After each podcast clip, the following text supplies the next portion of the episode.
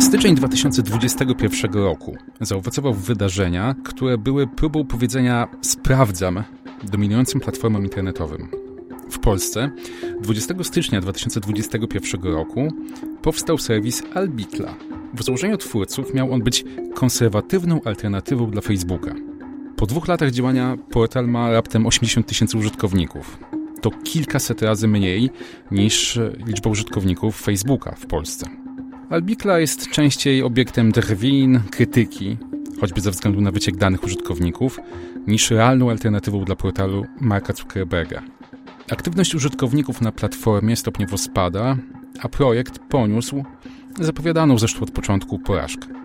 W tym samym czasie, dwa lata temu w USA, doszło do szturmu na Kapitol. Jednym z jego efektów było zablokowanie na Twitterze konta byłego prezydenta Stanów Zjednoczonych Donalda Trumpa.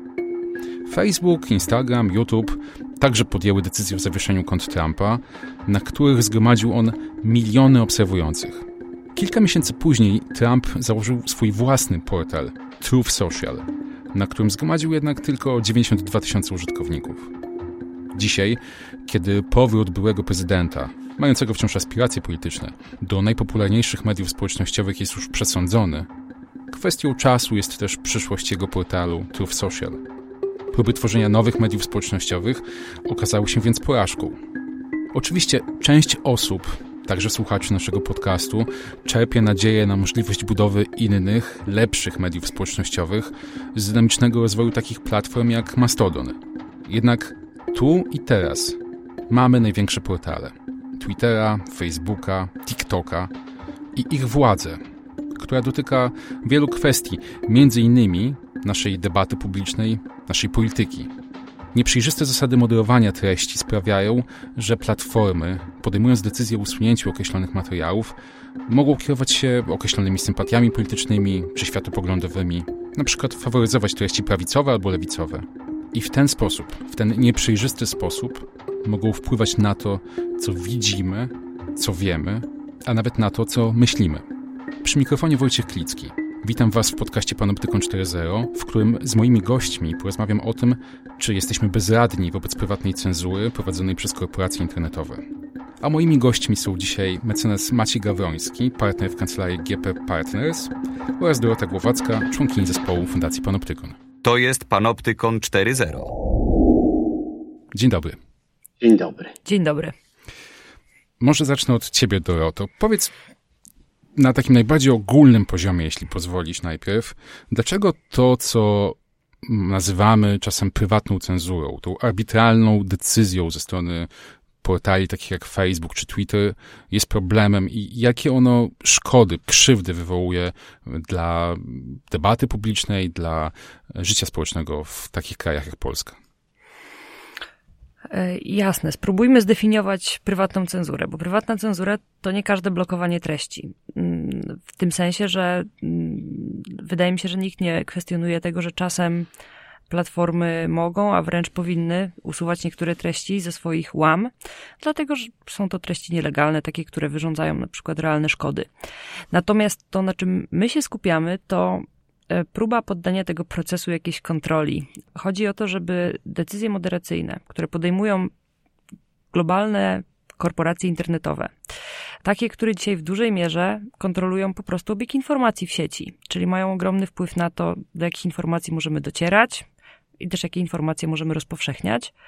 Chodzi o to, żeby podejmowały swoje decyzje moderacyjne, czyli o tym właśnie, co de facto ostatecznie potem będziemy mogli w tej przestrzeni zobaczyć, a czego nie, w sposób e, bardziej przejrzysty i niearbitralny, czyli taki, który nie będzie w pełni dowolny, ale będzie opierał się na jakiejś uzasadnionej podstawie. I kluczem do osiągnięcia tego celu jest e, coś, co my nazywamy wprowadzeniem standardów proceduralnych, czy sprawiedliwej procedury. Chodzi krótko mówiąc o to, żeby użytkownicy mogli w jakikolwiek sposób weryfikować podejmowane decyzje i ewentualnie próbować je też z platform skutecznie rozliczyć. Ale przepraszam, że ci wejdę w słowo, no ale dlaczego platformy miałyby tłumaczyć się ze swoich decyzji, skoro użytkownicy być może w takim najbardziej zero-jedynkowym, takim prostym rozumieniu mogą nie korzystać z ich usług? No widzisz, i tutaj dotykamy roli, jaką ta w sumie garstka podmiotów pełni dzisiaj w naszym życiu społecznym. Roli zresztą, którą dosyć dobrze wprowadziłeś, zapowiadając dzisiaj naszą rozmowę. Czyli jest trochę tak, że funkcjonujemy w rzeczywistości, kiedy realny wpływ na naszą przestrzeń informacyjną ma no, wąska grupa podmiotów, która po prostu zdominowała tę przestrzeń. I decyzja o tym, żeby się z nich wykluczyć, to często nie jest decyzja, którą e, wielu z nas mo może podjąć w pełni dobrowolny sposób. Dlatego, że rozpowszechnianie informacji na, za pośrednictwem Facebooka czy, czy Twittera to już nie jest, nie wiem, kwestia dostępu do, do zdjęć kotów, czy to już nie chodzi o rozpowszechnianie czy dzielenie się z, ze znajomymi zdjęciami z wakacji to jest, y, jakby przynajmniej badania wskazują na to, że dzisiaj dla na przykład znaczącej grupy osób media społecznościowe są kluczowym kanałem, za pośrednictwem którego w ogóle docierają do jakichkolwiek informacji o świecie, w tym informacji, nad których rozpowszechnianiem tradycyjnie kontrolę sprawowały na przykład profesjonalne media. Dzisiaj one też w dużej mierze te kontrole utraciły właśnie na rzecz mediów społecznościowych, dlatego że większość osób dociera do publikowanych przez media informacji za pośrednictwem mediów społecznościowych i wyszukiwarek. Ale to Maćku, mam do ciebie pytanie jako do prawnika. No bo korzystanie, cały czas drążąc ten wątek, korzystanie e, z mediów społecznościowych jest kwestią no, pewnym sensie umowy między użytkownikiem a platformą. E, wchodzisz na, na Facebooka, akceptujesz warunki, politykę, jaką ta firma prowadzi. No i co? No to jest jedno, takie jeden do jednego stosunek między dwiema, dwiema równymi, dwoma równymi ha, podmiotami. Tak, I, tak, ja i Marek. A, tak. Marek, no dobrze, ale teraz podkreślam, pytanie do prawnika, czyli co, jednak Facebook nie jest podmiotem, z którym podpisujesz umowę, mimo tego, że no jednak wchodząc na ten portal akceptujesz regulamin i, i wszystko wygląda no. tak, jakbyś tą umowę podpisywał? O Jezu, y, ja jako prawnik to pewnie odpowiem na kilku poziomach, nie wiem, postaram się prosto. Natomiast po pierwsze to jest tak, że y, różnica pomiędzy nami a Facebookiem, to jaki jest każdy widzi, prawda, cytując klasyka, czyli krótko mówiąc, nie mamy żadnej możliwości wpłynąć na Facebooka, nie mamy żadnej mocy negocjacyjnej, to się tak nazywa na studiach tak zwany kontrakt adhezyjny, czyli przystąp albo nie przystąp, bo ta druga wersja byłaby trochę niecenzuralna, prawda? Więc my, to jest trochę jak z elektrownią, to, to są te warunki, ty na, na nie się zgódź albo sobie odejdź. Tu Dorota świetnie w zasadzie opisała e, to, że w zasadzie, że nie masz możliwości tak naprawdę, to nie leży w twoim interesie w żadnym wypadku oraz grozi ci samo wykluczeniem cyfrowym, czyli czymś, co no, staramy się zapobiegać wykluczeniu cyfrowemu, nie możesz nie korzystać z tych mediów. Oczywiście teoretycznie możesz podjąć taką decyzję, Natomiast jeżeli chcesz być e, no, uczestnikiem życia społecznego i publicznego i korzystać e, z dostępu do informacji, to media społecznościowe i ich e, w zasadzie monopolistyczni dostawcy, w tym sensie, że w ramach pewnej formy przekazu ten jeden dostawca na cały świat ma monopol na tę formę, prawda? no to, to ty musisz z nich korzystać.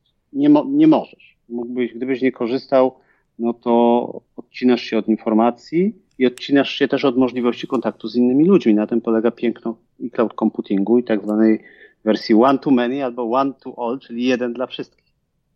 Natomiast może, ale to może za chwilę opowiem, bo też skąd się bierze ta konieczność podejmowania decyzji, bo zanim zaatakuję Facebooka, już to zrobiłem, to też trzeba powiedzieć, że taki dostawca musi podejmować pewne decyzje, dlatego że zawsze jest na środku i może być na środku pewnego konfliktu pomiędzy dwoma osobami czy dwoma podmiotami. Jeden mówi, że to, co jeden mówi, jest y, na przykład nielegalne, a drugi mówi, że to, co drugi jest nielegalne i wtedy trzeba zdecydować, kto ma rację. I na to są nawet przepisy, tylko że Facebook podejmuje decyzje dużo dalej wykraczające niż to, co wynika z przepisów. To, co powiedziałeś w tej drugiej części swojej wypowiedzi, można by skwitować tym, że z racji na swoją pozycję e, w, monopolistyczną. monopolistyczną, ale też na swoją odpowiedzialność, Facebook ma władzę. I z tej władzy korzysta. E, I teraz być może to jest ten moment, w którym powinienem zdradzić, dlaczego was zaprosiłem do dzisiejszej rozmowy. Otóż Dorota e, zajmuje się w Fundacji Panoptykon sprawą, w której społeczna inicjatywa narkopolityki, czyli SIN, tak będziemy mówili w dalszej części naszej rozmowy, pozwała Facebooka właśnie za arbitralne, zdaniem Sinu, mm, zablokowanie ich profilu na Facebooku. Maciek z kolei reprezentuje Konfederację, partię polityczną, która tak, także, także y, pozwała Facebooka w zasadzie za to samo. To znaczy za ograniczenie możliwości, czy uniemożliwienie im głoszenia swoich poglądów politycznych, czy docieranie do, docieranie do odbiorców. I to jest oba te procesy, absolutnie abstrahując od oceny sympatii bądź braku sympatii do podmiotów, których y, ta arbitralna cenzura dotknęła.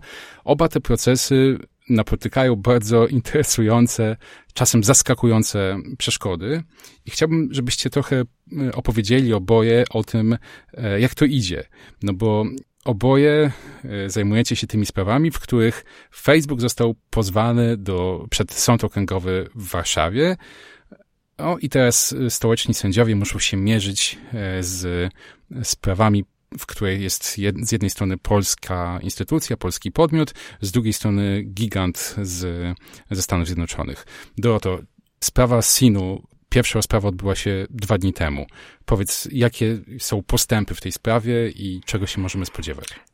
jak zapytałeś, jak tam idzie, to najkrótsza odpowiedź, która przyszła mi do głowy, to dobrze, ale powoli.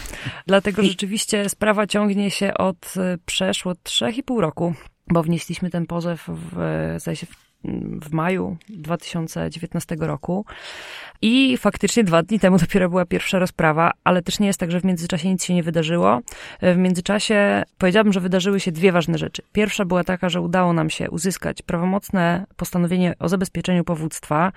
Dla niezorientowanych powiem, że to jest takie, taka tymczasowa decyzja, którą sąd wydaje, żeby zabezpieczyć prawa strony powodowej, czyli krótko... Czyli w tym wypadku społecznej inicjatywy narkopolityki. Tak. Krótko mówiąc chodzi o to, że, że, że chodzi o to, żeby na, na czas postępowania no, zapewnić E, taką ochronę na przykład przed, nie wiem, pogłębianiem się szkody, którą doznała, no właśnie, doznał taki podmiot. I w naszym przypadku to oznacza, że sąd e, po pierwsze nakazał Facebookowi zabezpieczenie wszystkich usuniętych materiałów, czyli mm, chodzi o to, że w razie, gdyby SIN na co głęboko liczę, wygra proces ostatecznie, to żeby Facebook mógł przywrócić jego profil usunięty w 2018 roku z pełną zawartością. Czyli nie tylko z tymi e, rzeczami, które tam zostały opublikowane przez samą organizację, ale też e, chodzi o reakcje, lajki, e, obserwujący i tak dalej. Więc to jest pierwsza rzecz. A druga rzecz jest taka, że no, jakby SIN kilka miesięcy po tej blokadzie udało im się założyć jakby nowy profil. Oczywiście to jest profil, na którym musieli sobie od nowa odbudować swoją społeczność, więc to nie jest tak, że on był jakimś ekwiwalentem tego usuniętego, który prowadzili przez szereg lat wcześniej, no ale wciąż, ponieważ był to dla nich ważny kanał dotarcia do ich grupy docelowej, no to postanowili spróbować i założyć nowe konto, no i to konto działa. I w ramach zabezpieczenia powództwa sąd e, zobowiązał Facebooka, żeby nie usuwał treści z nowego konta SIN. Chodziło głównie o to, że ponieważ SIN nie wiedział, dlaczego został zablokowany, to działał pod taką presją, czy, czy z taką obawą, że w każdej chwili to się może powtórzyć. No i chodziło o to, żeby jakby ograniczyć ten tak zwany chilling effect, czyli, czyli żeby... SIN ma dzisiaj taki list żelazny, który... Trochę tak, trochę tak. W każdym razie chodziło o to, żeby mogli spokojnie prowadzić e, swoją działalność i właśnie nie dotykał ich e, ten tak zwany efekt mrożący.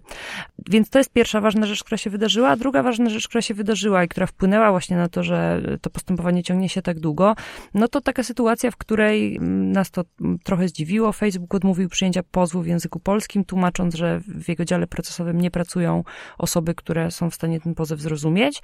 No w wyniku czego sąd nakazał przetłumaczenie tego pozwu, no i obciążył SIN kosztami tego tłumaczenia. To było prawie 10 tysięcy złotych, więc niemała kwota, ale przede wszystkim mamy takie poczucie, że, że to była taka proceduralna kłoda pod nogi, którą nam Facebook rzucił, chociaż wiadomo było, że współpracuje w Polsce z kancelarią, która zresztą teraz e, reprezentuje platformę w, w naszym procesie, więc e, no, skorzystał z pewnego formalnego wybiegu, no, z którego jakby nie musiał tego robić.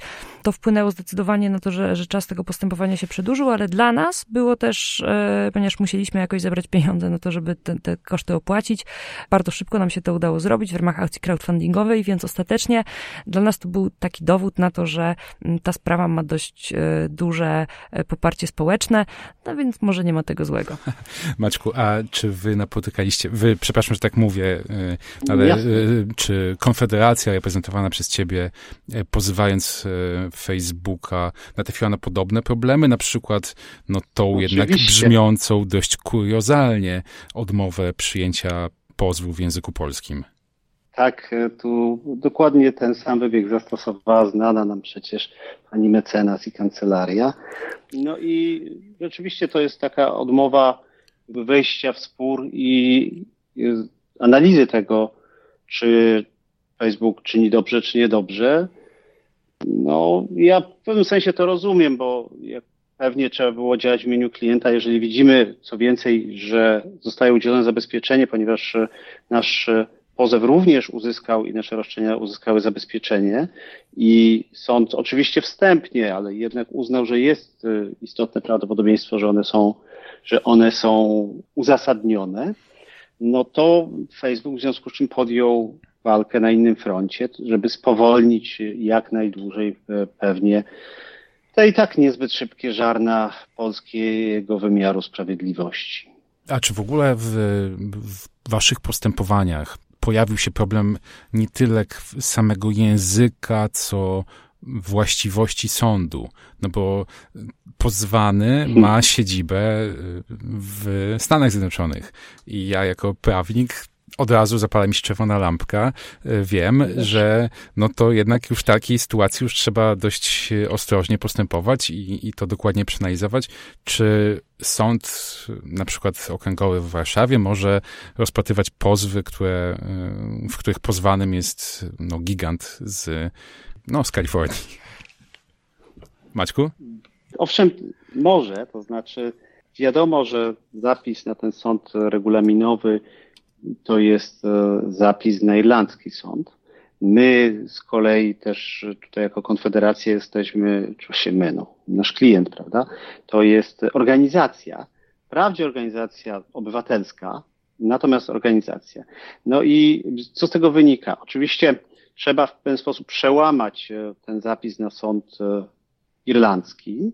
No ale myśmy to zrobili z kilku powodów, no, uderzając częściowo też w wysoki ton, to znaczy uderzając w zagadnienia polskiego porządku prawnego, ale też poruszając zagadnienia, które dotyczą konsumentów, ponieważ nie jesteśmy, wśród naszych powodów znajduje się nie tylko Konfederacja, ale też i jej sympatycy i posłowie.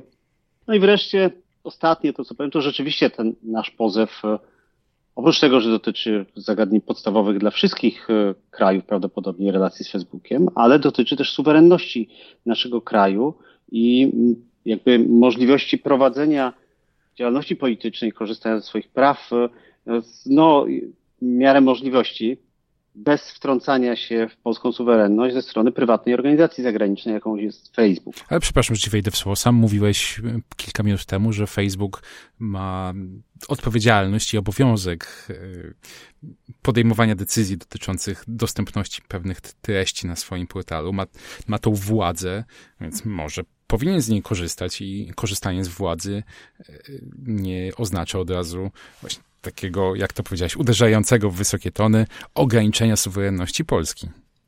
Zacieram ręce. Dobra, ale to nie będzie długie. To artykuł 14 ustawy o świadczeniu usług drogą elektroniczną zawiera taką procedurę notice and takedown, czyli e, jak się dowiesz, że coś jest nielegalne, to to zdejmij, zablokuj, to nie będziesz ponosić odpowiedzialności.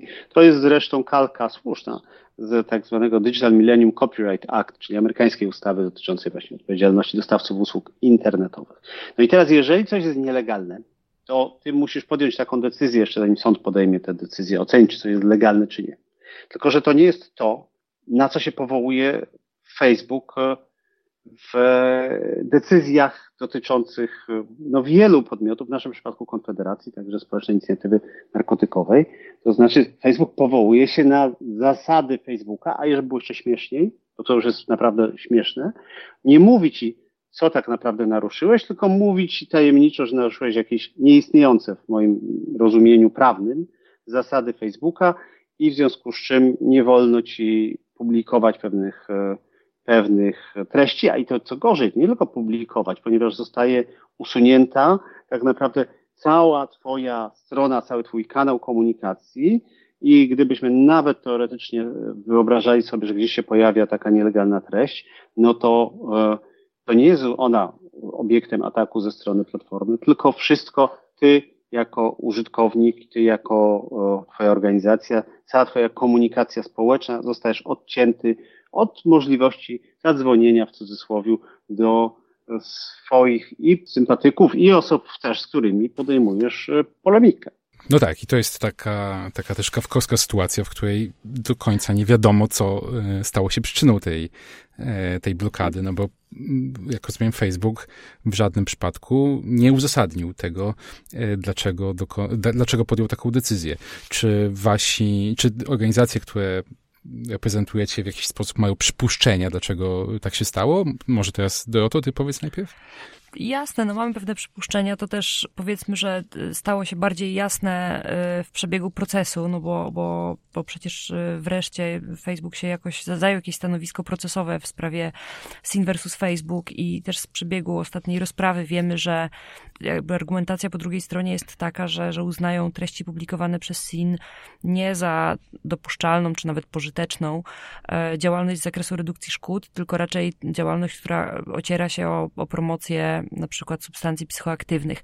Ale rzeczywiście jakby wcześniej mam poczucie, że dotknąłeś istoty sprawy.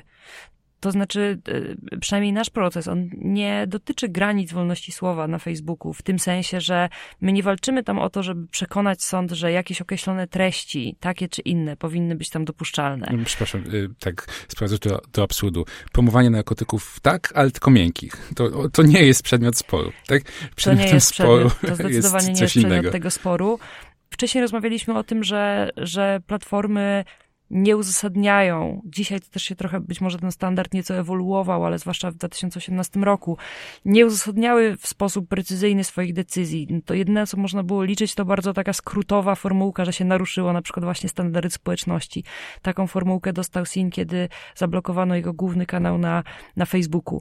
Więc my tak naprawdę nawet nie wiemy na tamten moment, jakby nie wiedzieliśmy, co się dokładnie wydarzyło. Jasne, że, że ponieważ ta działalność, e, którą prowadzi Sino, na czasami budzi różne kontrowersje, to można było się domyśleć, że to, co się stało, to to, że albo algorytm, albo człowiek e, dokonał po prostu błędnej interpretacji treści, które e, oni zamieszczali. Natomiast to nie jest o tyle klucz procesu, że e, właśnie, że wprost nie dostaliśmy nigdy takiego uzasadnienia. Właściwie cały ten proces sprowadza się do tego, że my głównie upominamy się o to, że Facebook usunął usunął tę stronę, nie wyjaśniając dlaczego, powołując się tylko na swoje standardy społeczności, ale nie mówiąc konkretnie które, bo nawet tyle nie dostaliśmy, przynajmniej w zakresie tej głównej strony, i wreszcie nie wskazując też na konkretne treści w wieloletniej historii tego profilu, bo on istniał od 2011 roku, czyli przez 7 lat, zanim został usunięty, i nigdy nie, nie było żadnych zastrzeżeń, w sensie wcześniej nie było żadnych problemów.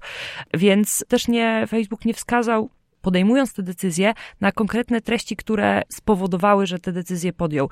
I, i to jest jakby kluczowe, dlatego że taka sytuacja oznacza, że w zasadzie każdy może zostać zablokowany z dnia na dzień i właściwie nie będzie wiedział dlaczego. No i nie będzie też miał możliwości w jakikolwiek sposób zweryfikować tej decyzji, czy ona była słuszna, czy na przykład, nie wiem, wynikała z błędu algorytmu.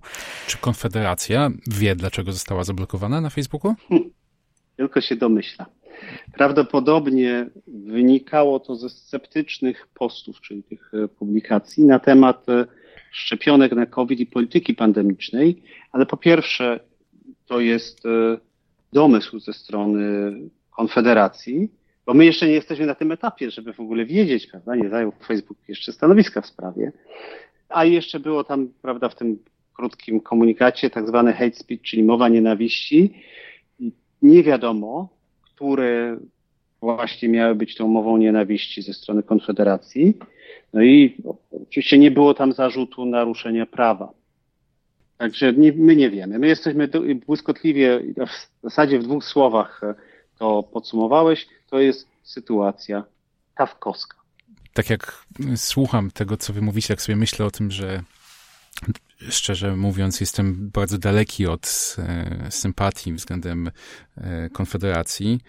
ale jednocześnie to jest e, absurdalne, że działająca w Polsce legalnie, zgodnie z prawem, zgodnie z ustawą o partiach politycznych, partia reprezentowana w Sejmie musi się borykać z takim problemem, który rzeczywiście ogranicza jej dostęp do, do wyborców. Bo jeśli ona by faktycznie promowała jakieś treści, które byłyby nielegalne, to o tej legalności bądź nielegalności ktoś powinien rozstrzygnąć.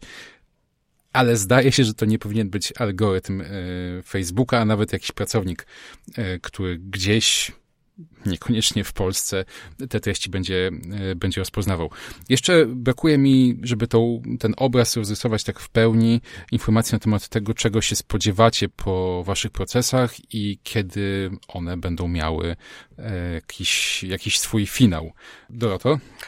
U nas y, pierwsza rozprawa odbyła się dwa dni temu i w czerwcu będziemy mieli kolejną. Być może będzie to już y, ostatnia rozprawa, więc y, na niej albo krótko po niej spodziewamy się wyroku.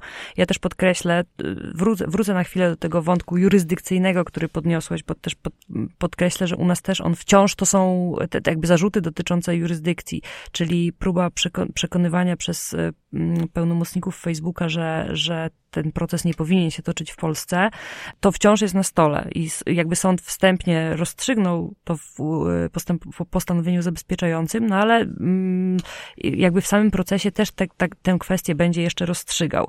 Więc to jest jakby jedna rzecz, czyli będziemy mieli po pierwsze decyzję w kwestii jurysdykcji i liczę na to, że niedługo, że mniej więcej w tym samym czasie też zapadnie decyzja co do meritum. Natomiast o co chodziło w tym procesie? Ponieważ my go zaczęliśmy kilka lat temu, robiliśmy go w ramach tak zwanej litygacji strategicznej, czyli nie chodziło nam tylko o to, żeby SIN uzyskał z powrotem dostęp do swojego profilu, to oczywiście jakby zależy nam na tym, ale to nie jest kluczowe w tej sprawie.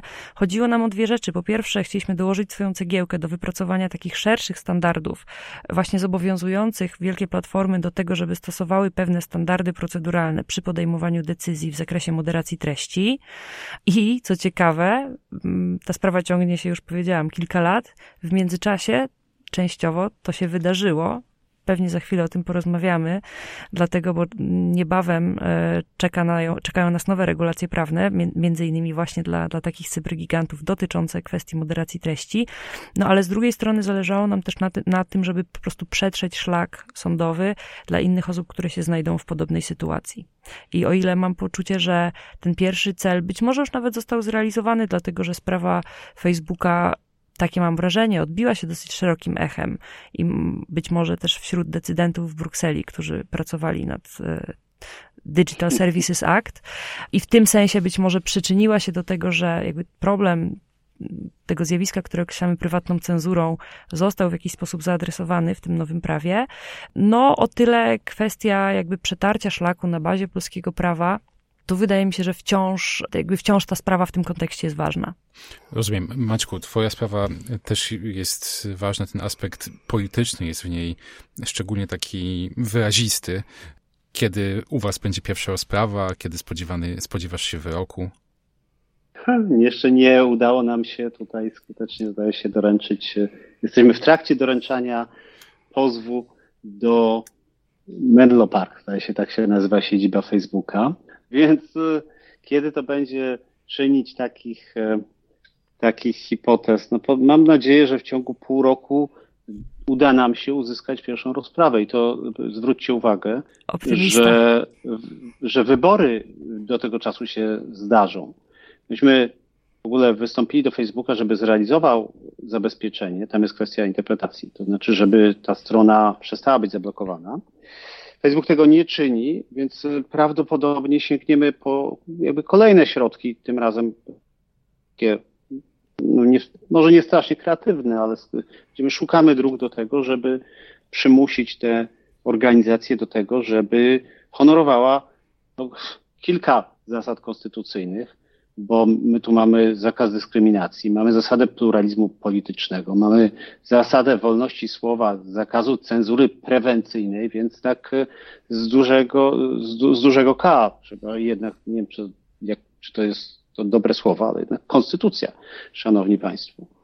To nie są żarty, no. Nie są żarty i ja A możesz, się, możesz tylko się ekscytuję, przy... prawda? e, Oczywiście jest, zużywa się ten mój, ta moja ekscytacja co jakiś czas, e, w związku z tym, że sądy, no tutaj nawet w zasadzie nie ma na kogo zwalić, no bo to jest rzeczywiście międzynarodowa procedura. Dysponujemy opinią pana profesora Piotrowskiego, Ryszarda, który jest doskonałym konstytucjonalistą i który wskazuje właśnie na te naruszenia y, przepisów i wolności konstytucyjnych i praw do tego stopnia, że no tak jak myśmy zresztą też powiedzieli, uważa to działanie Facebooka w odniesieniu do tej partii politycznej działającej legalnie i jako naruszenie suwerenności Rzeczpospolitej Polskiej. Więc to nie są żarty. A jakbyś mógł jeszcze przytoczyć e, postanowienie zabezpieczające, czy tą decyzję, jaką e, wstępnie mm, podjął sąd, bo Dorota wspominała o Tak tym, jest. czego e, dotyczyła, dotyczyło postanowienie w sprawie SIN-u. Wydaje mi się, że to wasze postanowienie zabezpieczające jest chyba troszkę inne, bo wspominałeś o tym, że e, Facebook go nie realizuje, czy nie przestrzega. Powiedz, wyjaśnij trochę bardziej, na czym to nieprzestrzeganie polega.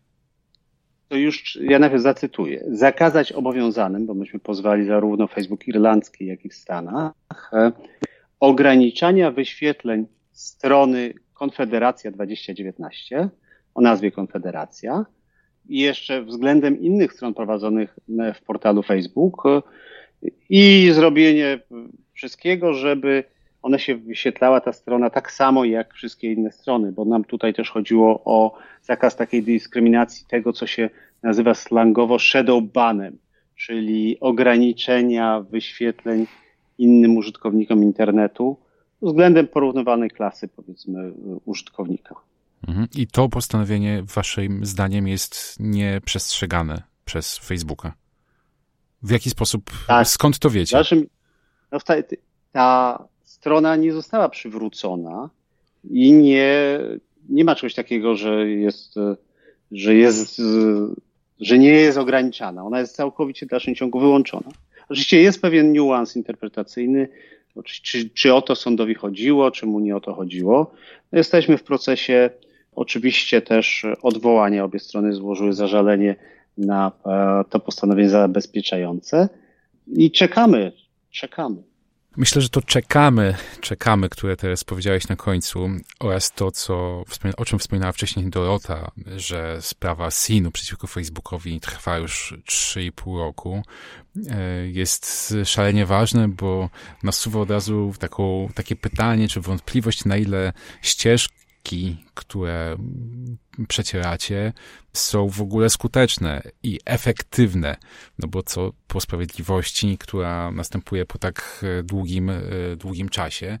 No i to jest proste, proste przejście do następnej części naszej rozmowy, w której bardzo chciałbym was pociągnąć za język, jeśli chodzi o to, czy uważacie, że to jest e, optymalne rozwiązanie do walki z arbitralną cenzurą, czy jednak mamy tutaj na stole coś innego?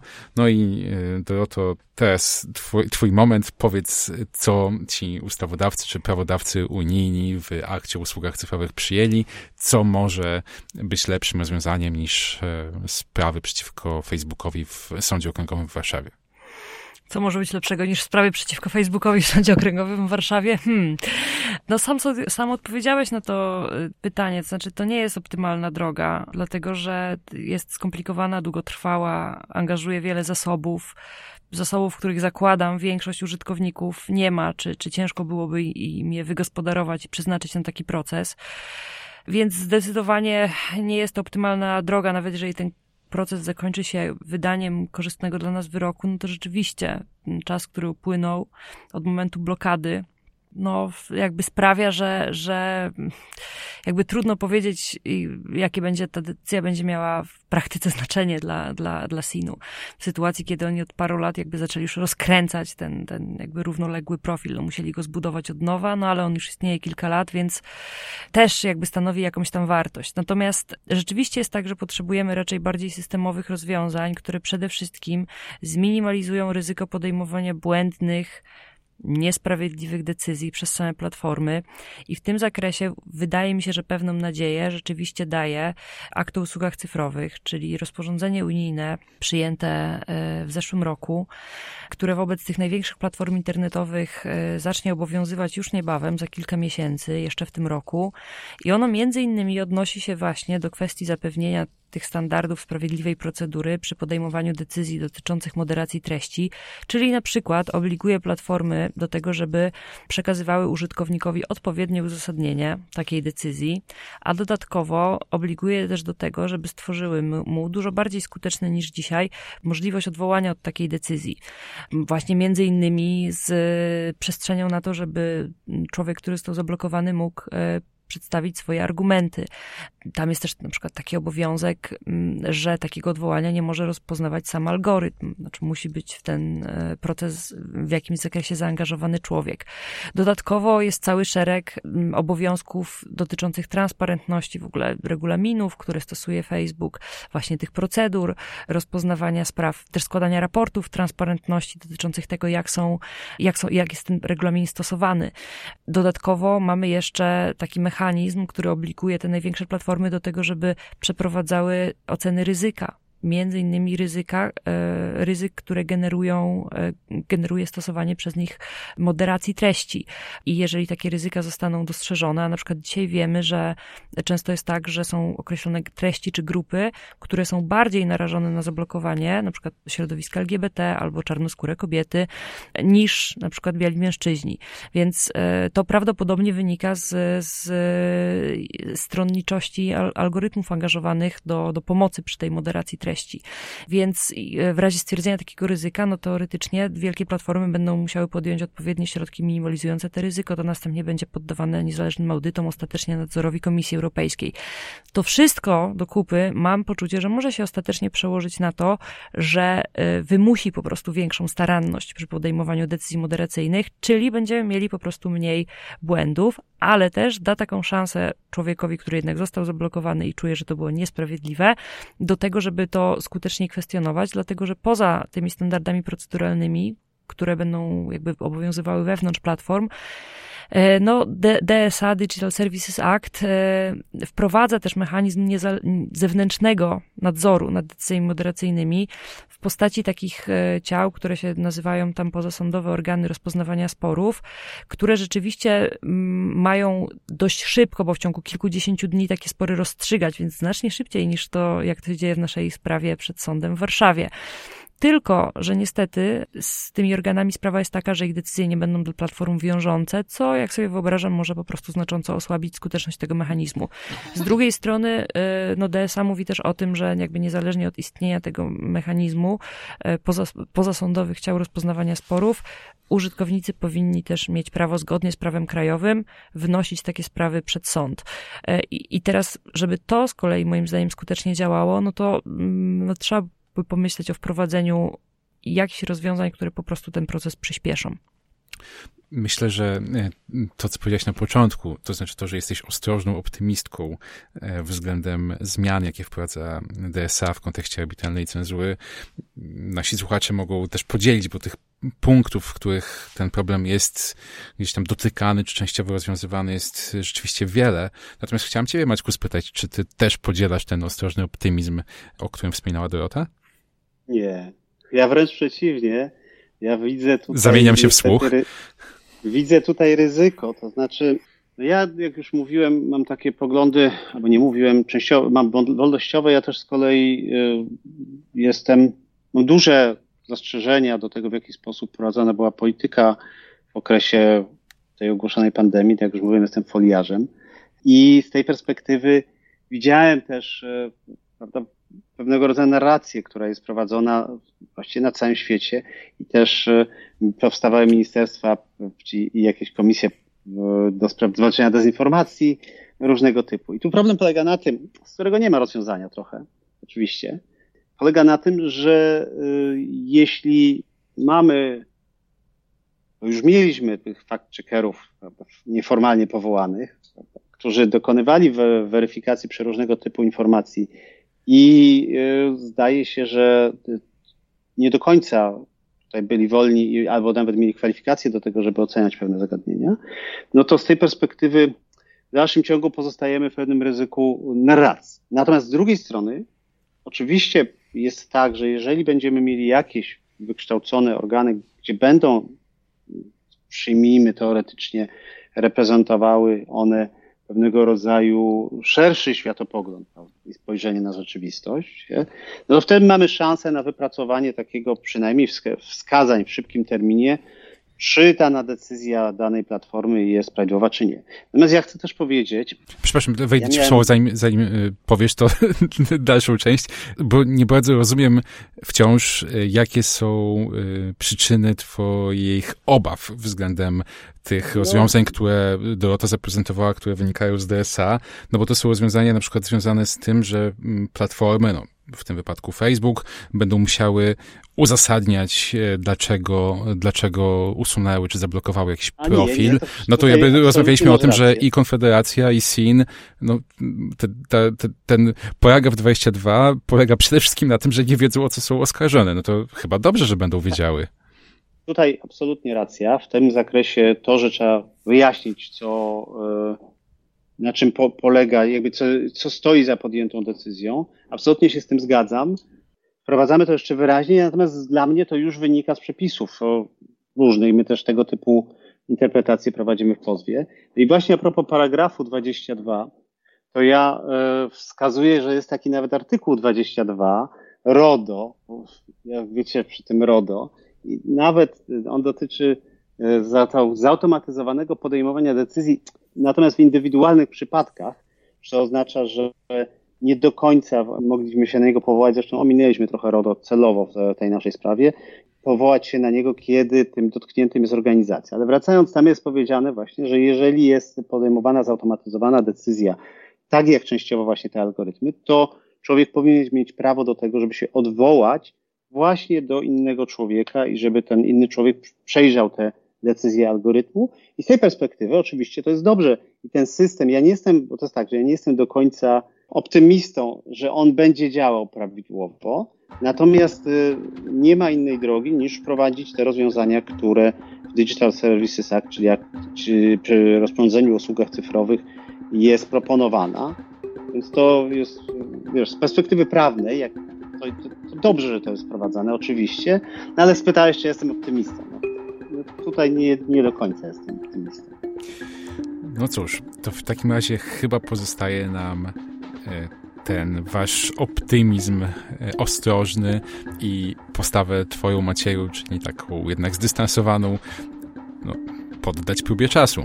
E, bo ta próba czasu, musicie być cierpliwi, skoro prowadzicie te sprawy, ale też będziecie musieli być cierpliwi, jeśli chodzi o wejście w życie DSA i to, w jaki sposób ono zacznie obowiązywać. Droto, to jeszcze kilka miesięcy mówiłaś? Kiedy wejście, wejście w życie? Mniej więcej w połowie roku e, te przepisy będą obowiązywać wobec tych największych platform, bo w pozostałym zakresie trochę później. Rozumiem, czyli na przykład e, jeśli Radio 357, które jak widziałem niedawno zostało zablokowane na Twitterze. Dzisiaj jedyną opcją, jaką może wykorzystywać jest pisanie do Ilona Maska na, na Twitterze z prośbą o odblokowanie, to za pół roku, mniej więcej w połowie 2023 roku, będzie mogło wykorzystywać ścieżki, które da DSA, ale nie tylko takie tacy nadawcy. Nie będziemy skazani na koneksję e, z osobami powiązanymi z poszczególnymi platformami, albo wręcz ich z właścicielami. E, więc, Czyli tak. nie tylko takie e, koneksje, ale też jakieś... Podobno dzisiaj to najlepiej działa, tak, tak mówią. No, to, ale chyba tylko właśnie na Twitterze, bo wtedy jak Elon Musk tam coś się zainterweniuje, to coś się zmienia, no bo on przecież świeżo kupił i oni nie wiedzą, jakie tam działają różne warstwy no, moderacji treści, cenzury, zwij jak chcesz. Problemem jest to, że po prostu nie jest to e, opcja dostępna dla wszystkich, raczej dla wybrańców, więc ja jednak cieszę Oczywiście. się na te dużo bardziej demokratyczne standardy, które wprowadzi DESA. Dobrze, to w takim razie w drugiej połowie roku e, życzę, żeby ci wszyscy, którzy będą zablokowali, mogli te ścieżki przećwiczyć, a potem nam opowiedzieć e, i żebym ja na końcu wiedział, czy rację miała optymistyczna Dorota, czy pesymistyczny Maciej. I trzymamy kciuki za optymistyczną, za rację Doroty. Oczywiście. Tymczasem bardzo serdecznie Wam dziękuję. Moimi gośćmi byli Dorota Głowacka z Fundacji Panoptykon oraz Maciej Gawroński. Tymczasem żegna się z Wami Wojciech Klicki i do usłyszenia w kolejnym podcaście Panoptykon 4.0. Panoptykon 4.0